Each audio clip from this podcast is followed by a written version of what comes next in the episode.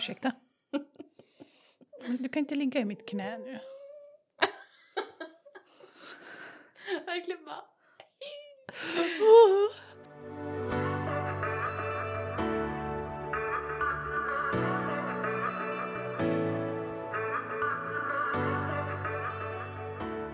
Hejsan och välkomna till ett nytt avsnitt av podden Har du mens eller med Emily och Elise. Mitt namn är Elise och jag är certifierad personlig tränare och kostrådgivare. Jag heter Emily och är certifierad instruktör i fertilitetsförståelse. Vi driver båda våra egna företag där vi erbjuder rådgivning och handledning online. Jajamän. Så idag har vi ett roligt avsnitt. Jag är taggad. Ja, Vi ska snacka om ägglossning. jag är Liksom, så glad när jag hade idétorka deluxe. Mm. Och så, eller vi har ju världens längsta lista på ämnen men jag var så här. Jag, jag vet inte, vad ska vi göra? Och typ ägglossning, vi ska prata om ägglossning. Men alltså jag fick någon feeling för det och bara alltså det här, det här vill jag. Och jag vet också att du kan mycket mer än vad jag kan och hela liksom. För jag tror att det var. Um, jag pratade med någon kompis tidigare och då var det liksom som ett prat om ägglossning fast eh, med p-piller. Mm. Och jag bara just ja, folk vet inte att eller det är inte alla som vet att man inte har ägglossning eller inte är liksom på G när man är på p-piller. Så då kände jag bara, vi måste snacka ägglossning. Mm. Och det är perfekt timing för vi kan väl snacka cykeldag först då. Ja. För jag har ju just haft ägglossning! Ehm, jag är på cykeldag tj- 25. Mm. Och jag har liksom, jag tror att ja, jag idag kommer bekräfta ägglossningen för jag måste ju vänta till ikväll innan jag vet vad jag har haft för sekret hela dagen. Mm. Men mest troligtvis så, så kommer det vara bekräftat ikväll. Nice. Det känns det bra. Den blev lite försenad som jag förutspådde med lite extra stress där i början på cykeln. Mm. Men ändå inte så pjockigt. Så det kändes ändå skönt. Faktiskt. Dag 25, det är så här goals för mig. Jag brukar väl snitta på 17-18 kanske. Mm. Inte 23 typ. Mm. Så helt OK, värsta kul! Nice. Jag blev så glad. Men Hur det, kände du under ägglossning då? Jag tänker vi, vi kan väl snacka lite om hur vi känner under ägglossning. det kan eh. jag. Alltså jag vet inte, jag har typ aldrig tänkt så mycket på det. Mm. Eller så här, det har som inte varit som en grej, förstår du? Ja. Eller ja, det är inte en grej för mig heller. Du Eh, bara kör liksom same same. Alltså jag känner väl som att follikulärfasen går över till lutealfasen men det är som inget sånt här "Huh, nu händer det. Ja. Eller eh, jag brukar, jag kan få lite ömma bröst typ Ja. mm, så en dag där kring. Ja. Men det är, det är som inget så här speciellt event för mig eller vad ska säga. Gud vilket Spännande. tråkigt svar. ja. eh, men ja, typ så. Mm. Du då? Jag, är, jag tänker börja med cykeldag och jag är på dag 19. Är jag. Uh, så jag har precis, eller precis men någon dag sedan kommit in i min fertila fönster. Inget tecken på sekret än. Men jag känner i hela kroppen att okej, jag vet inte, vissa, alltså alla cyklar är ju olika men de flesta gånger då blir jag så jävla taggad då jag börjar närma mig du vet, östrogenet kickar igång lite, man kommer in i fertila fönstret och ägglossningen, du vet man ser den där i horisonten. Så jag känner mig pigg, glad, fett social, känns, känns bra, känns bra, livet är nice. Det är perfekt tillfälle att spela in en podd här. Ja, jag känner det. Nej men så ja, men eh, så jag bara väntar på att eh, liksom få första synen på sekret. Eh, eller fertilsekret. Liksom. Finsekretet. Mm, precis. Toppsekret, alltså gissar jag att du menar. Ja. Eller bara någon typ överhuvudtaget. Nej, toppsekret. Mm. För att det börjar, eh, det börjar vara dags nu känner jag. Nej men så det känns bra och eh, ja men som jag känner oftast under ägglossning så känner jag typ som jag gör nu att jag är bara pigg och yber social för att jag känner mig hyfsat introvert många delar av min cykel men just under ägglossningen då jävlar. jag brukar passa på att prata med så mycket människor som möjligt vet. Men jag har ju jobbat på Coop tidigare. Eh, att jag, och jag, jag handlar inte så ofta men då jag väl är i ägglossning då bara men jag ska gå dit ner och handla och prata med folk för att liksom det är då jag känner att jag har energin för det. Nej men det är så här vissa gånger som jag kan känna att det, jag får typ en liten dipp i humör men det är väldigt sällan. Ja, nej men jag tänkte typ så här. Vi måste väl bara berätta lite först vad det är, du vet basics. Ja, det, jag tänker så också. Vi har ju några frågor, eller du ställde på Instagram. Ja, Så precis. vi kör några liksom Så vi har lite sen. frågor, Mm. men vi har också våra egna punkter. Ehm, så jag tänker liksom så här.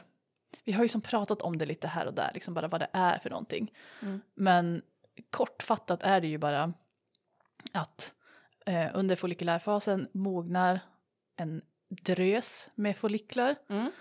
och det är de som producerar östrogen. Och det är en av dem som blir dominant och liksom blir jättestor. Den kan typ bli upp till en centimeter om jag har förstått det rätt. Mm. That's Coolt big. ändå. Ja. Och sen så är det den som då spricker och med en- så här, hjärnan skickar en LH-pik som säger att nu ska du gå sönder liksom. Mm. Och så åker den här lilla, alltså ägget är ju bara den här en cell liksom Mm. i äggblåsan som lossnar ur själva äggstocken, fångas upp av de här, vad de nu heter på svenska som jag alltid glömmer bort, fallopian tubes eller uterine tubes eller vad man nu Mm. vill kalla dem. Eh, och liksom börja åka igenom äggledaren. Mm. Så det är väl liksom det som, Det är super eh, basic liksom vad som händer. Ja. Så det är en kommunikation mellan äggstockarna och hjärnan i vad, vad ska man kalla det, typ en cirkulär ja men som form. en sån här positiv feedback loop. Det är Ja. liksom så här FSH från hjärnan, Mm. mer östrogen. Till slut blir det nog högt och då bara ha! Det är bra. Mm. Och det är även äggskalet sen. Det är det jag tycker är så jäkla coolt. Det är inte det att äggskalet bara okej nu, nu är den, det, det jobbet klart. Utan då ska ju det producera progesteron sen. Ja men exakt. Så det, Så det är det som blir gulkroppen. Ja.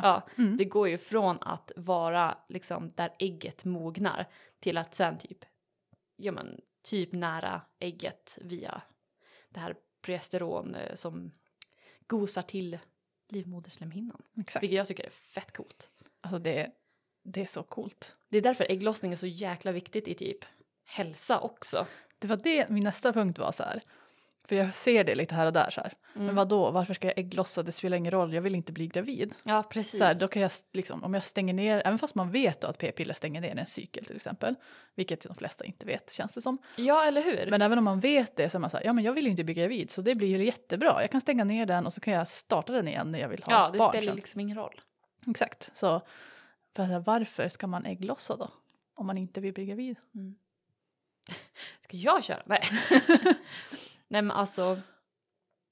Just för att ägglossning är ett sånt stort event. Alltså det är typ det som hela menscykeln går ut på. Vilket är fortfarande underligt att vi kallar den menscykeln. när vi egentligen- Ägglossningscykeln. Precis, det är ju egentligen det det är. Ehm, så dels producerar progesteron som är fantastiskt som skyddar, som sänker inflammation, som ja, men, lugnar nervsystemet, som ja, men, när livmoderslemhinnan, vilket också är viktigt eh, om man vill bli gravid eller så. Då är ju progesteron A och O. Och sen då även just för att vi ägglossar och har som du sa den här positiva feedback-loopen med östrogen. Så östrogen, om man, om man är i det här området så är det mycket så här, åh, för mycket östrogen är dåligt och östrogen, östrogen, ja. Mycket snack om att östrogen kan vara dåligt, men alltså östrogen är så bra. Det är fantastiskt för hjärnan. Det skyddar, eh, om jag minns rätt, hjärt och kärlhälsa. Det skyddar ben. Så att du behöver liksom östrogen. Det är därför många i klimakteriet får benskörhet. Dels för att de har väldigt låga östrogennivåer så den här uppbyggnaden av ben blir inte samma. Så om man har eh, HA, alltså hypotalisk amenorré, då ägglossning är borta och hormonnivåer är låga, då är det också stor risk för benskörhet. Ägglossning är Ja, typ, våra hormoner gör bra. fantastiska saker. ja! Och vi behöver ägglossning för att ha balans på dem. Alltså vi kan ju producera östrogen utan att få ägglossning också. Mm, Vi kan ju få liksom misslyckade ägglossningsförsök. Eh, mm, men så vi, vi får ju östrogen då också. Men eh, för att få progesteron och för att få den här balansen så behöver vi ju ja, ha båda. Ja, Och det, behöv, det får vi bara genom ägglossning. en, jag måste bara inflika en intressant sak om östrogen också. Ehm, om jag minns rätt så är det att högre östrogen gör så att huden ser typ mer fyllig ut och eh, man blir det är så här eh, rosig om läpparna. Du vet, man ser väldigt attraktiv ut när man är nära ägglossning. För det är då man har högst östrogen. Ja. Ja, jag har Jag tycker det är det. så coolt! Att så här typ en del partner kan märka det och sånt. Mm. Det är ju hur häftigt som helst. Ja, nej, våran kropp är helt fantastisk måste man ju säga. Mm. Så om någon kommer och bara mm, nej ni behöver inte ägglossning bara ägglossning är amazing. Exakt. Ja, men sen så tänker jag så här, men vad då? Hur vet man att man ägglossar då? Det blir väl nästa steg då. Ja. Alltså, jag brukar säga, och om jag, som jag har förstått det, att om man har, även om man inte kartlägger sin cykel som vi gör, då man faktiskt kan veta att man har ägglossat, men har man regelbundna cykler, alltså har man mens, man, man kollar sin mens i alla fall, Mm. Eh, alltså det ska vara väldigt ovanligt att ha regelbunden mens och aldrig ha ägglossning. Nej, precis. Har du regelbunden mens så kan du vara ganska säker på att du har ägglossning någonstans där i mitten då. Mm. Kanske inte på dag 14, vem vet när den händer. Precis. Men, eh, men om man börjar ha väldigt oregelbundna blödningar och som kanske skiljer sig åt och Ja, kommer lite precis. hur som helst. Då skulle man kunna börja tänka på att ja men Det kan vara an- anovulatoriska cykler vilket då blir det en blödning. Mm. Det blir ingen mens men det blir en blödning men då som du säger då brukar de skilja sig åt liksom med med mängd och utseende och ja och inte komma jämt heller. Nej, precis. Men jag tycker faktiskt det är lite spännande på tal om ett annat sidospår. För jag gjorde en post för många månader sedan om anovulatoriska cykler. Mm. Och sen dess har jag liksom ändrat min syn lite grann på det här. Okej. Faktiskt har Read Your Body-appen hjälpt mig lite med det. Eftersom att man kan där starta sin cykel när som helst. Alltså den säger ju aldrig åt dig att ja, du blöder nu, det är en ny cykel. Ja. Så den här definitionen av att en cykel slutar med en blödning. För då kan det ju bli så att du hade ingen ägglossning mellan de här två blödningarna. Mm. Men om vi säger istället att en cykel alltid innehåller ägglossning och mens. Mm. Då finns det helt plötsligt inga anovulatoriska cykler. Det finns bara långa cykler ja. med mellanblödningar i mitten. Kanske. Ja. Och jag tycker att det känns som ett bättre sätt att se på en cykel. Att den alltid innehåller ägglossning och mens. Ja. Men den kan vara jättelång. Ja. Eller jätte, som typ som att efter förlossning eller någonting. Då har du ju liksom cycle zero eller vad man kallar den. Mm. Och det är ju bara en jättelång pre-ovulation fas liksom. Ja. Ehm, och ja men det är ju så det är. Det är ju inte så att en blödning där skulle bara okej nu startar jag en ny cykel. För det Nej, har ju inte haft din alltså, och cykel då kan det ju också vara väldigt missvisande för jag menar om man är van att ha till exempel en regelbunden cykel och så har man fått barn och så ja, hela den liksom. Eller man får en anovulatorisk cykel om vi säger det så. Mm. Då tror man ju att man kommer vara säker efter en blödning i alla fall ett tag. Det finns ju Vilket- den risken. Ja. Ja. Så då är det ju väldigt missvisande om man liksom inte vet att man har Alltså om det bara är en blödning och inte en mens. Mm. Utan liksom ägglossning. För då kan ju ägglossningen komma precis efter. Mm. På tal om det så har jag ju ett sånt exempel som jag ska ta. Jag ska lägga ut den på min Instagram. När jag använde Natural Cycles Mm. så gjorde den exakt som du säger. Jag fick ingen ägglossning men jag fick en blödning till slut. Mm. Och Natural Cycles, i alla fall då, jag vet inte om det är så nu för jag har inte använt det på många år. Eh, bara, det fanns bara mens, du kunde inte fylla i liksom någon annan blödning. Okej. Och jag bruk, då antog ju den att jag var säker då. Ja. För den, det är ju liksom ett kalendertänk på Ja. det. Eh, när man inte har något sekret att gå på. Och jag fick ägglossning på typ då cykeldag åtta eller någonting. Mm. Alltså efter blödningen då. Ja. För det var ju inte en mens.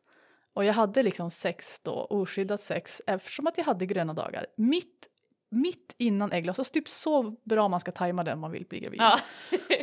Och jag hade precis börjat så här, kolla lite sekret, så jag har några anteckningar på så här.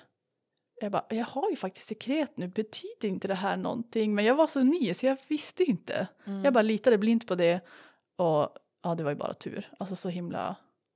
Så nej, man får Se upp med det. Ja, exakt det där med att ägglossning följer alltid en mens. Och Mm. det är bara om man har haft ägglossning och mens som man sen kan vara säker vid mensen. Mm. Mycket viktigt. Det känns också som någonting väldigt viktigt att komma ihåg att har du haft ägglossning så kommer mensen. Mm. Alltså det, det kom, alltså om du inte nu är gravid. Ja exakt. då, då blir ja, exakt. grej. Men vi säger att du inte har blivit gravid eller Mm. haft oskyddat sex. Så kommer alltid din mens efter en ägglossning. Det, Mm. det finns inget limbo. Nej, Då är det graviditeten. gulkroppen har bara en viss, eh, många dagar som den lever. Mm. Sen så faller progesteronet och du får mens. Ja, så jag vill bara, för det känns som, okej anledningen till att jag tar upp det, det är för att jag har en kollega och vi pratade om menscykler och ehm, ja men hon ska göra IVF. Och då hade läkarna sagt till henne att, eller som hon hade förstått det hade hon haft ägglossning men de ville kicka igång hennes mens för att de bara, ja men för att du är inte liksom på G. Och jag bara, what the fuck? Vad är det de snackar om? Det lät ju jättekonstigt. Ja, och så jag bara, jag sa till henne bara, ursäkta att jag frågar, men vänta, vänta, vänta lite. Bara, så där är det inte så det funkar. Mm. Det är säkert ett missförstånd, det, det förstår jag. Mm. Utan det var ju mer att de visste inte att hon hade haft ägglossning. Så de ville kicka igång en blödning. För att sen kunna få ägglossning. Precis. Sen, ja. För att ja men då är det med IVF, då handlar det ju mycket om ja men eh, tjocklek och sånt. Just det. Men jag bara, just den här missinformationen och misskommunikationen mellan läkare och patient blev jag väldigt upprörd över för att hon kanske inte bara, hon bara, men brydde sig inte så mycket. Hon sa det, hon bara, men jag, jag vill typ veta bare minimum. Mm. Medan jag bara, jag, jag förstår det, jag förstår att man inte behöver Nej, veta alltså man allt kanske som inte är intresserad. Nej, precis. Men jag tycker ändå det är deras, alltså pa- patientens rätt att veta hur det går till, vad de gör, vad läkemedlen gör exakt. Mm. Det behöver inte förklaras i min, in i minsta detalj.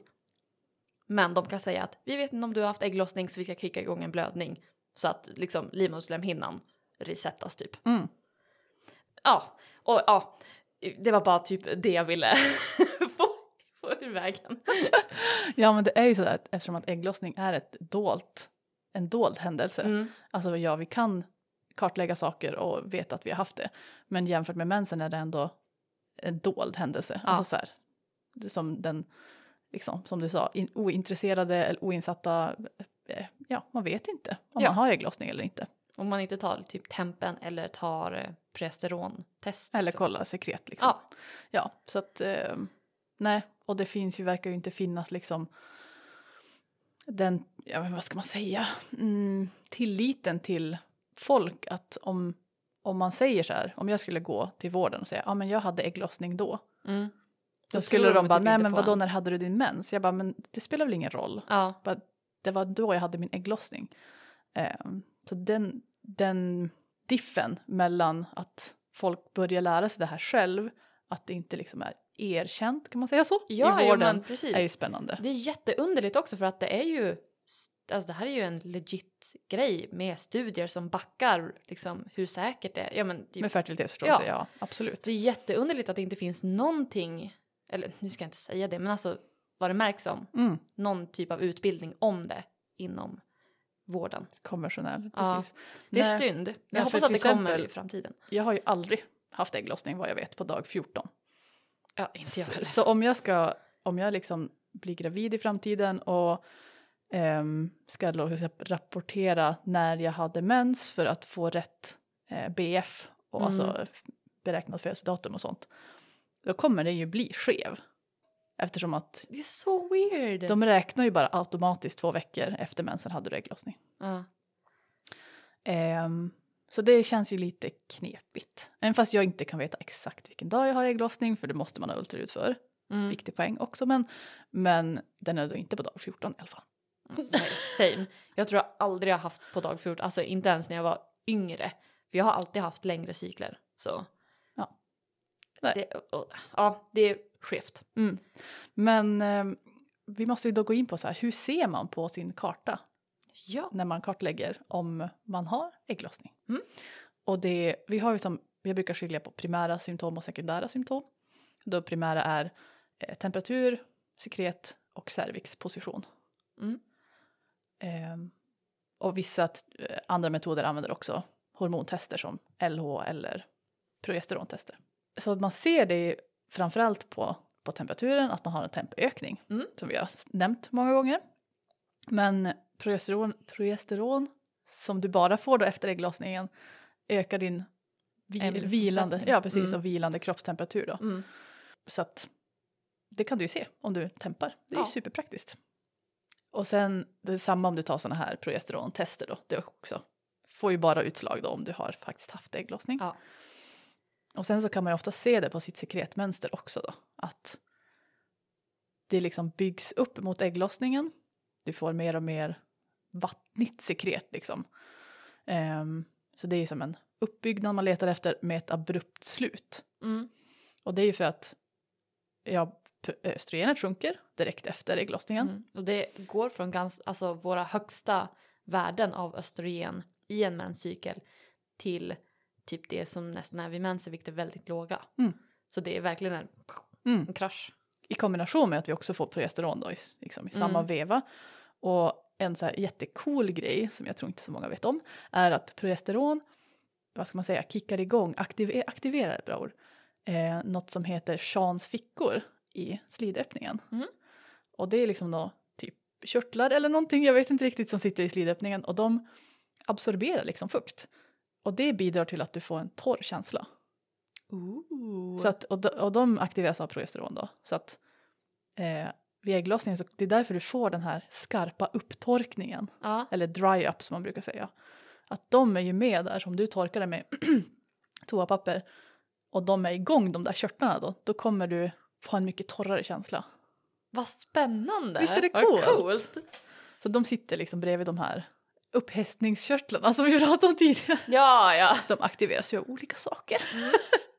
ja, så att det eh, är jättecoolt. Vad spännande. Så du kan se det både på temperatur och sekret på det sättet då. Mm.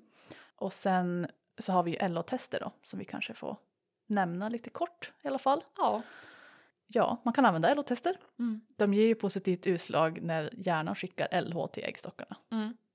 i nog hög mängd. Men bara för att typ jag säger att du ska göra någonting betyder inte att du kommer göra det. Mm. Det är samma sak. Precis. Om hjärnan säger kom igen nu, nu ska du ägglossa med en LH-spike. Måste, alltså, det kan vara så att äggstockarna inte gör det. Ja. Det är ju inte kanske jättevanligt men ändå. Alltså så här, ett positivt LH-test är inte lika med ägglossning. Mm. Och det tycker jag känns som en bra sak Ja. att nämna. Definitivt. Om man använder LH-tester liksom enbart till exempel för att när man vill bli gravid. Vilket jag inte rekommenderar för att det är en väldigt liten Alltså för en del kan få bara en LH-spike på en, alltså mindre än 24 timmar, typ 12 timmar. Mm. Så du mäter du på morgonen får du den men inte på kvällen. Vissa Mm. kan få positivt i flera dagar. Men du är ju fertil många dagar innan det när du har sekret av bra Ja, kvalitet. gud, ja. Så Och det kan väl vara så att du får en LH, vi säger att du missar första dagen du har en LH-höjning. Du får ägglossning den dagen. Sen så dagen efter, då har du fortfarande kanske högt LH men då har du ingen ägglossning. Om du vill bli gravid så har du bara, missat ja, då har det. du missat. Ja. för ägget lever ju liksom max 24 timmar. Alltså man brukar prata mer om 10-12 timmar. Mm. Så därför man vill ju ha sex innan ägglossningen så att spermierna är redo i sekretet och Mm. väntar där. Väntar. I sina hotellkryptorna. ja, Exakt med bra mat och allting. lyx. Vad heter det? När man är på hotell och så får man allting. All, All inclusive! Exakt. Ja, så det är väl främst det. I alla fall, som jag tänkte på. ja. ja, när jag är lång. Gärna bara, var välkommen till Hotell Elise. Bara, Nej. Mm. Anyway, Yes. fortsätt. Ja men det var det jag tänkte säga om primära symptom. Har du något eh, du vill tillägga? Ja, nej men eh, primära symptom är bra. det är det man ska gå efter. Exakt. Och som Ja, vi det är snackar, därför vi kallar dem primära. Ja, och som vi snackar om, eller eh, mest jag, att man kan känna sig olika så här kroppsligt eller socialt eller att man har mer energi och sånt där. Det, det är ju ingen bekräftelse på något vis. Utan det är ju bara Det är kroppskännedom, Ja. inte att underskatta. Men det är primära symptom vi vill använda för vårt preventivmedel och för Mm. att tajma sex om man vill bli gravid och så. Men inte... Eh, men sekundära symptom är jättefina grejer för kroppskännedom. Ja, Mm. precis. Men då har vi några sekundära symptom. Vi nämnde några lite kort så här med eh, man kan ha ömma bröst är väl ganska vanligt. Mm. Ägglossningssmärta. Lite låg sa du, man kan liksom få en liten dipp där när Ja, östrogen precis. dippar. Om man har väldigt högt östrogen eh, och sen när det dippar, då kan man få, om man brukar bli låg vid mens, då kan man bli låg vid ägglossning också. Just för att det är en sån kraftig dipp. Och jag vet vissa med PMDS, ehm, det som är så spännande med just PMDS, för er som inte vet, det är typ PMS fast gånger tusen. Nej men, it's not fun. Ehm, men de, det kännetecknas dels på att man har en känslighet för progesteron eller för troligtvis låga progesteronhalter. Det är lite så här, eh, de vet inte exakt. Men också för östrogenets liksom växlingar. Så att det är inte bara en eller det andra utan det är som en, ja, en liten miss där höll jag på att säga. Nej men det är lite, så och man kan känna en liten dipp i humör och energi och precis vid ägglossning. Mm, jag kommer inte på något mer just nu. Sexlust kan man också uppleva Ja, högre vid ägglossning. Mm. Till exempel. Och som du sa de här att man har mer blodtillförsel så man kanske känner sig lite extra, ser lite extra piffig ut. precis. Man kanske inte kan sätta fingret på exakt varför men ja. Man kan känna sig typ, jag vet inte, ordet juicy kommer upp ja. för mig för att jag vet inte, Både att- juicy sekret och Ja men huden liksom glowy och ja. Yes. Jag, eh, alltså jag tänker den här skillnaden på, vi har pratat om det förut, så här, biologisk fertilitet och fertila fönstret. Mm. Men jag tänkte bara nämna det lite snabbt eftersom att idén med det är ju att liksom fånga in, eller okej, den biologiska fertiliteten är ju din sekret plus ägglossning. Mm. Så spermieöverlevnad plus äggöverlevnad. Men det fertila fönstret ska ju också innefatta ägglossningen. Mm. Annars har du ju misslyckats med din metod av fertilitetsförståelse Mm. liksom. Men båda har ju med ägglossning att göra men de är inte riktigt samma sak. Tänkte jag bara. Mm. Jag tänkte på timing av sex också. När jag tänkte på ägglossning. Ja. Och då har vi den här, om vi vill undvika graviditet måste vi då tajma sex utanför den biologiska fertiliteten men då också fertila fönstret för att Ja. vi kan aldrig veta vår exakta biologiska fertilitet. Men om man nu ska tajma sex för att bli gravid då är det ju ägglossningen man ska finna av. Mm. Och så då är det ju biologisk fertilitet vi är ute efter och då är det ju precis sekretet som är grejen. Yes. Alltså efter, de här tecknen på progesteron de hamnar ju efter ägglossning. Mm. De är bra för att bekräfta att den har hänt men aldrig för att säga att den är på väg. Så där är en sekretmönster man måste hitta av Mm, ja. och Precis. tajma då. Så det är där man vill ha oskyddat sex om man vill bli gravid då.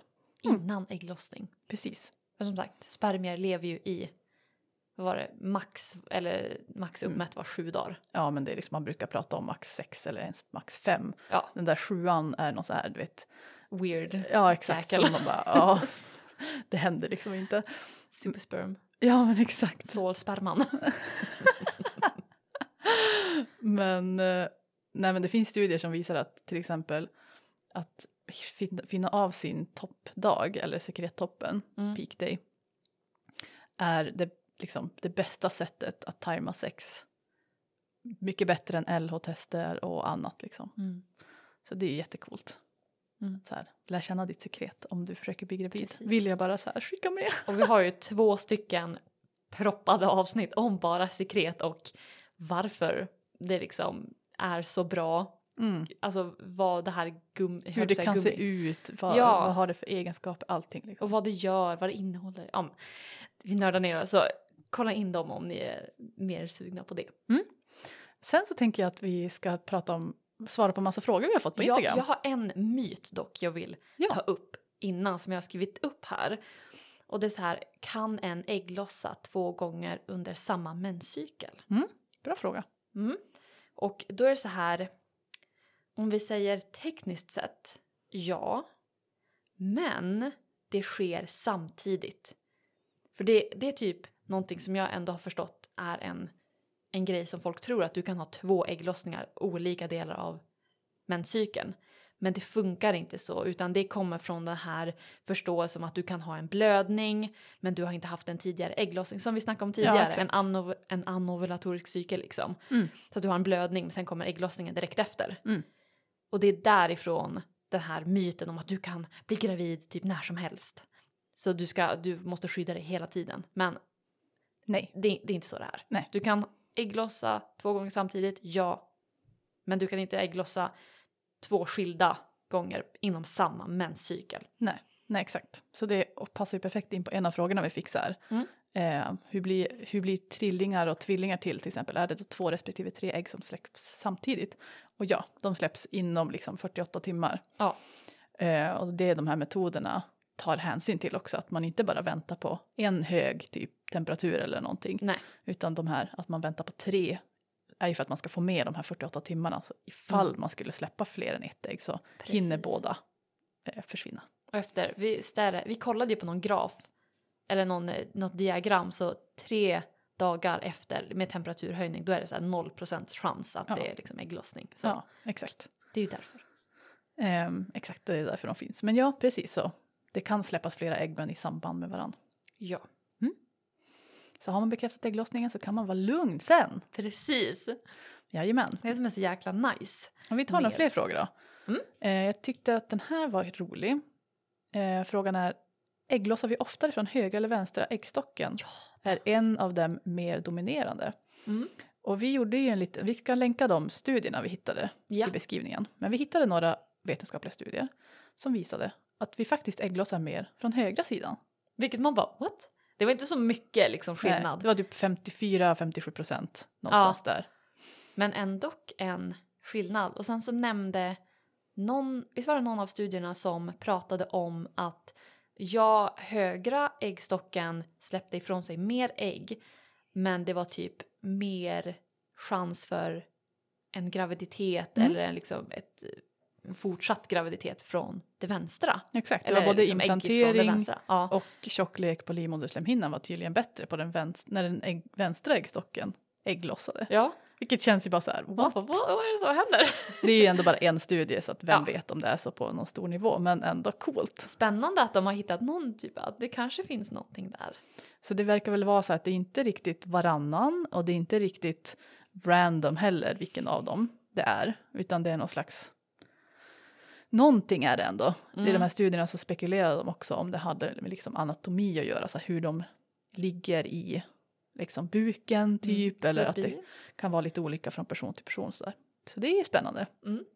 Men det är ju ändå liksom båda äggstockarna som försöker ägglossa varje gång men bara en lyckas. Så Mm. du kommer få folliklar som växer och producerar östrogen i båda äggstockarna. Mm. Så det är inte så att den ena bara det är din tur nu den här cykeln, jag ska vila, kör på. Så bara, Okej nu är det min tur. Jag tog förra gången så du får fan ta den här här gången. Utan det är liksom ett race typ om vem Ja. som ska lyckas. Ja för båda kokar ju upp dem. Ja, exakt. Men de, eh, alltså äggblåsorna i båda äggstockarna börjar ju i början. Mm. Börjar i början, vad är det jag pratar om? I början av cykeln ja. Ja. Växer i början. Yes. Ehm, nästa fråga är, kan känslor påverka ägglossningen?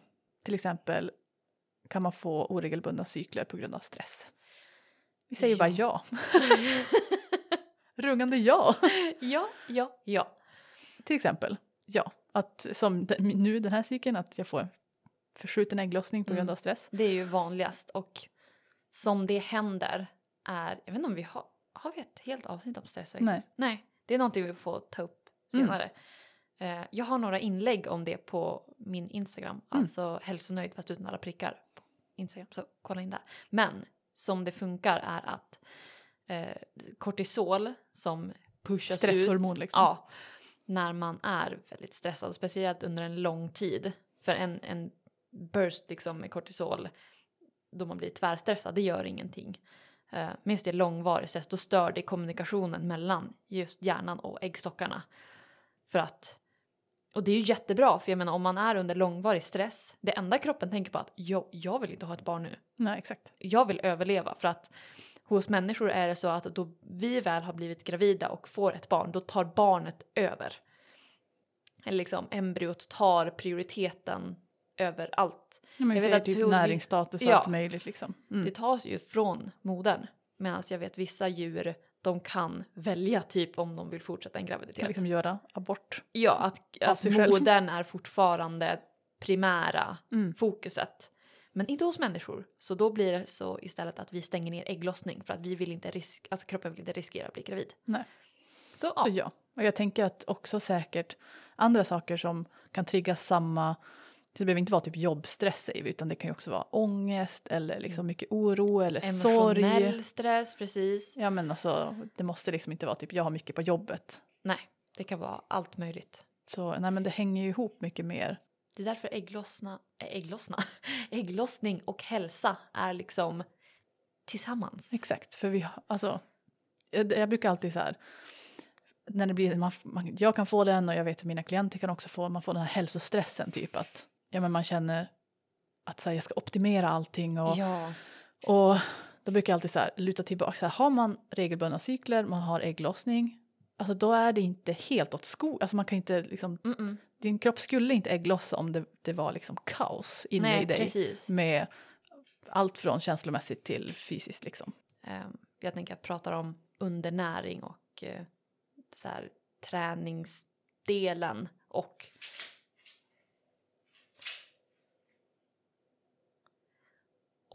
och eh, ja, men, försvunnen ägglossning eller ja, uppskjuten ägglossning. Men jag tänker att det är Det ett helt ta, avsnitt det kan i vi sig. ta, så. exakt. Mm. Det låter bra. Då tar vi nästa fråga. Eh, betyder ägglossningssmärta ägglossning eller kan det bero på annat? Om det händer samma dag varje månad? Ja, det kan ju absolut vara ett tecken på ägglossning. Ja. Det är ju vanligt. Mm. Mitt, mittelsmärts, ja. eller något sånt där kallar man. Mittelsmärt. Exakt, Tyst ord. ja. Men typ mi- middelsmärt. Nej men det är ju som att man har smärta i mitten på cykeln. Ja. ja. Så absolut, det kan vara ett, som vi sa, ett sekundärt tecken. Mm. Men inget som man, Du kan inte bekräfta ägglossning för att du har ägglossningssmärta. nej. Och det är sådär, en del verkar ju verkligen vara som, som en klocka, att det verkligen är varje cykel de har det. Mm. Men jag har också läst studier som visar att eh, en del får det de tror är ägglossningssmärta när det inte är ägglossning. Och, en, och så kan det vara att de helt plötsligt inte får det Mm. när de har ägglossning. Så att det Mm. är liksom eh, lite osäkert tecken på det sättet. Sen finns det ju andra grejer som kan ge smärta liksom i livmoderområdet. Så ja, som sagt, så länge man inte tar det som ett primärt så länge man tar, inte tar det som ett primärt tecken så Exakt. är det lugnt. Mm. Vi har också frågan, kan ägglossningen göra ont i flera dagar? I så fall varför? Och vi skulle bara säga att det är inte normalt att det gör ont i flera dagar. Nej. Något som man skulle... Vi typ eh, tvärnämn eller pratade om det tidigare. Bara för att se om vi var på samma pejl. Men i min kunskap så ska ägglossningssmärta gå över bara efter men, en timme typ. Det ska inte vara länge. Nej. Utan det ska vara som en kort burst liksom och sen så är det done. Så om man har ägglossningssmärta flera dagar eh, så bör man kolla upp det. Mm. Just för att jag vet att vissa med endometrios kan uppleva smärtor under ägglossning. Just för att då blir det ju högt östrogen och ja, det kan bli en blödning och Mm. sånt där.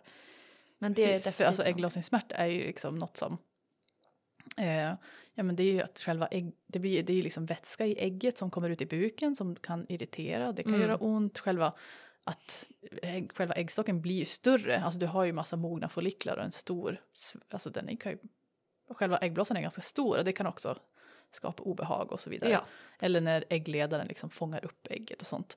Så att det, det är inte det är liksom inte onormalt eller ohälsosamt att ha ägglossningssmärta i nej sig. precis precis. Men inget som ska hålla på i flera dagar. Nej. Det bör man kolla upp. Sen så har vi en fråga.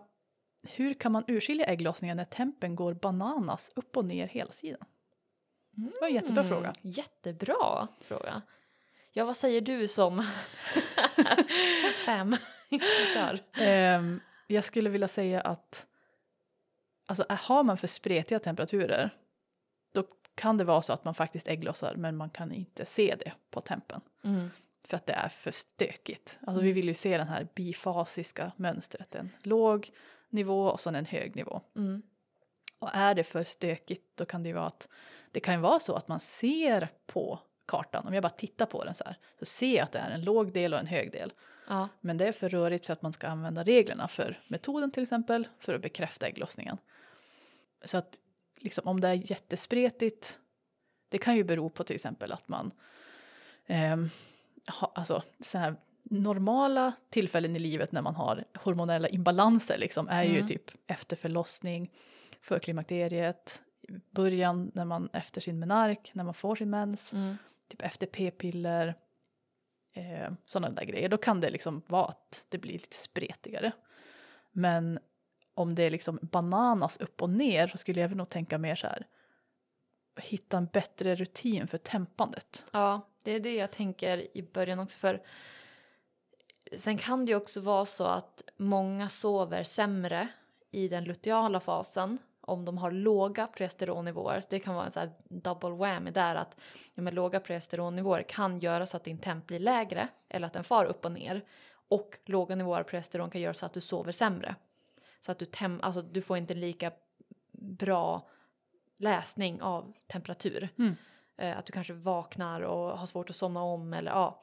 Det kan ju vara en del i det också, vem vet? Ja. Det är ju liksom jättesvårt att säga så här, visst kan ja, ja alltså Om vi ser det rent objektivt, om vi får en karta, ja. så hur tolkar du och jag den respektive? Ja, Liksom? det är ju skillnad på att svara på en fråga så här allmänt på Instagram eller på en podd. Ja, Eh, så vi kan liksom inte säga någonting, det här är anledningen för just dig, utan bara det här, det här är vissa saker som kan visa sig så här. typ. ja, precis, precis. Jag vet att jag hade jättemycket så här, i, i början när jag gick av p-piller, för då hade jag typ en sju dagars lutealfas som gick upp och ner hela tiden. Ja, Okej, annars tycker jag många, många lutealfastempar är stabilare än follikulärfastemparna. Mm. Ja, nu är mina mycket bättre men. Men alltså, det alltså en del kan vara jättekänsliga för tempandet exakt om de tempar inte vid samma tid eller om de snosar innan. ja, eller, så det är viktigt att se över sin temprutin om man tempar oralt liksom, med en vanlig termometer om man inte använder tempdrop till exempel eller Mm. något sånt. Mm. Vi har en fråga här som jag tänker att du ska få. Eh, det står ägglossar cirka cykeldag 19 till 21. Vill inte ha det så. Hur boostar jag ägglossningen bäst? Ja, alltså ja, för mig så låter det som en helt rimlig ägglossning. Ja, alltså jag, jag tycker också det. Så om du har, Har man liksom en regelbunden cykel på ägglossning dag 19 så skulle jag inte oroa mig men tydligen så vill ju den här människan alltså kunna ägglossa tidigare. Mm. Alltså jätte, jättesvårt att säga. Ja, jag vet. Det, liksom, det beror ju, eftersom vi inte kan svara, jag vet ingenting om hur livsstil ser ut, jag vet ingenting om hur kosten ser ut, jag vet ingenting om hur eh, andra symptom ser ut. Så jag kan ju inte säga så här är det eller så Nej. här kan du göra. Ehm, och sen så just för att jag ser det som att har du en regelbunden ägglossning, vilket är, ja men du har någon dags skillnad, 21, 19 till 21. Mm. Och jag förstår att många inom, det är som du pratade om tidigare, den här hälsohetsen, Mm. att vi ska liksom pusha oss till att vara perfekta. Mm. Att vi vill ha den här 28 dagars cykeln för att det är så det ska vara och det är liksom textbook. Mm. Medan det kan vara bara så att din kropp ägglossar på 19 eller 21. Mm. Och det är liksom, det är så den funkar, att det, Det är din något fel, biologiska liksom. rytm. Att, nej men precis. Och då blir det ju ändå ingen längre luteal, eller jag vet ju inte lutealfasens längd heller. Nej. Vissa kan ju ha jättelång lutealfas, typ upp till 16 dagar. Um, men ja, jättesvårt att säga. Mm, ja, precis. Det känns som en... Det känns lite det, tråkigt svar, Ja. ja men eh, typ se till att inte stressa för mycket. Med alla sådana här standard... Ja, Så här. D-vitamin är jättebra också att se till att man får i sig det tillräckligt. Mm. Um, Dricka mycket vatten, sova, vet alla de Ja. här. Och det är så tråkiga råd så man dör ju men... Ja, men Vi får väl ta något eh, helt eh, avsnitt där jag kokar ihop eh, lite så här allmänna råd om hur man stöttar ägglossning. det låter jättebra. Men ja, jag hoppas att du som skrev Ja, förlåt för det allmänna svaret. Ehm, ja, vi måste, dra, vi måste wrap det här upp. Men vi har en till fråga, en Ja. sista fråga. Eh, är cervixsekret alltid stretchigt genomskinligt just vid ägglossningen? Det skulle bara säga nej. Eh, Att det, många upplever det, ja. 100 procent. Men eh, det är inte så att den typen av sekret betyder ägglossning nödvändigtvis Mm. i sig självt som en, vad ska man säga, fristående observation. Och alla har inte det. Mm. Så att har du det, superbra. Det är ett bra tecken på att det liksom dina, dina kryptor liksom i tappen, livmodertappen jobbar bra. Men eh, det handlar liksom om att hitta mönstret mer Mm. än en viss typ av Ditt sekret. individuella mönster liksom. Ja men precis. Så att det kanske är ditt mest fertila typ av sekret och det är ju fantastiskt. Mm. Ehm, men man kan liksom man kan till exempel inte hitta någon typ av sekret alls när du liksom torkar det med toapapper. Men du kan ändå kanske ha en halvvåt känsla för du behöver mindre mängd sekret för att ha känslan än för att se sekretet. Mm. Och det kan vara nog mycket för att du ska hitta ditt mönster och för att du ska kunna bli gravid och allting ska vara Ja. bra. Det behöver inte vara som alla på Instagram halvt- att det bara komma liksom ut ett, en hel eh, helt Handfull rått ägg typ, ja. liksom. Så nej, inte alltid, men vanligt ja. Mm. Sen har vi några fler frågor men vi hinner inga fler nu. Nej, gör vi inte. Så ja, nej Vilket- men jättekul ämne. Roligt. Ja, precis. Jag tänkte precis säga det är så kul ämne att snacka om och det känns som att Det är ju det, är som viktigt. är grundbulten i typ allt vi pratar om egentligen. Mm. Så det Ja. känns ju som att klart att vi ska ha ett avsnitt bara om det. Oh ja, 100 procent. Så det blir ju såklart att vi repeterar lite saker som jag sagt förut. Men det är viktiga grejer. Ja. Intressanta grejer. Repetition gör så att man lär sig. Exakt. Men det vill, vi vill så här, eh, en sista så här, grej bara. Så här, det är inte din mens som är sen, det är din ägglossning som är sen. Ja. Hamra in det. Typ rätta folk när de säger det. Jag bara, åh min ägglossning, nej. ah, min mens är sen, så bara, mm, mm, mm. Ägglossning. Mensen kommer alltid exakt när den har tänkt det. Mm. Efter ägglossning. Efter ägglossning, du får bara mens efter en ägglossning. Du får inte mens på p-piller, du får inte mens om du inte har haft ägglossning. Du får bara en menstruation när du har haft ägglossning. Mm. Nu kände jag mig lite aggressiv där. Allt annat är eh, Ja. blödningar av andra slag. Precis. Ja, men ska vi sluta med en liten superkort tacksamhet? Kanske bara säga typ ett ord eller någonting. Tänker jag. Jamen, Jag, då börjar du. jag tänkte bara säga att jag är tacksam för frosten. Oh, mysigt. För det är krispigt här ute idag. Ja, jag är tacksam för kylan, vilket är typ lite samma. Men ah, Fair enough. Jättehärligt är det. ja, kyla, då kommer solen fram, det blir nice, livet leker. Ah, Mycket bra. älskar det. Ja men kul. Då, Hoppas ni tyckte om avsnittet. ja precis. Och så får ni kontakta oss som vanligt på våran mail. Mensnordarna, mensnordarna alltså, snabel gmail.com. Ja, eller på vår eh, Instagram nu med har du mens understreck eller.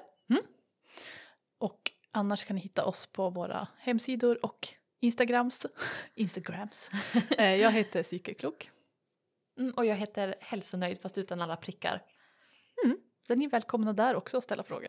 Ja men precis, ja, mest till dig om i alla fall fertilitet och hur de ska kartlägga och sådär och om ni vill komma till mig för att veta hur ni ska stötta ägglossning Precis. exempelvis. Yes. Ja, nej men då får vi tacka så mycket för att ni har lyssnat. Mm -mm. Ha det bra. Puss och kram! Hej.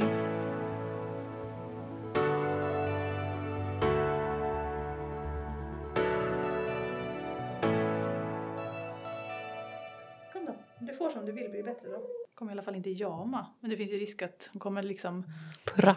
exakt spinna så att det typ hela studion vibrerar. Mm.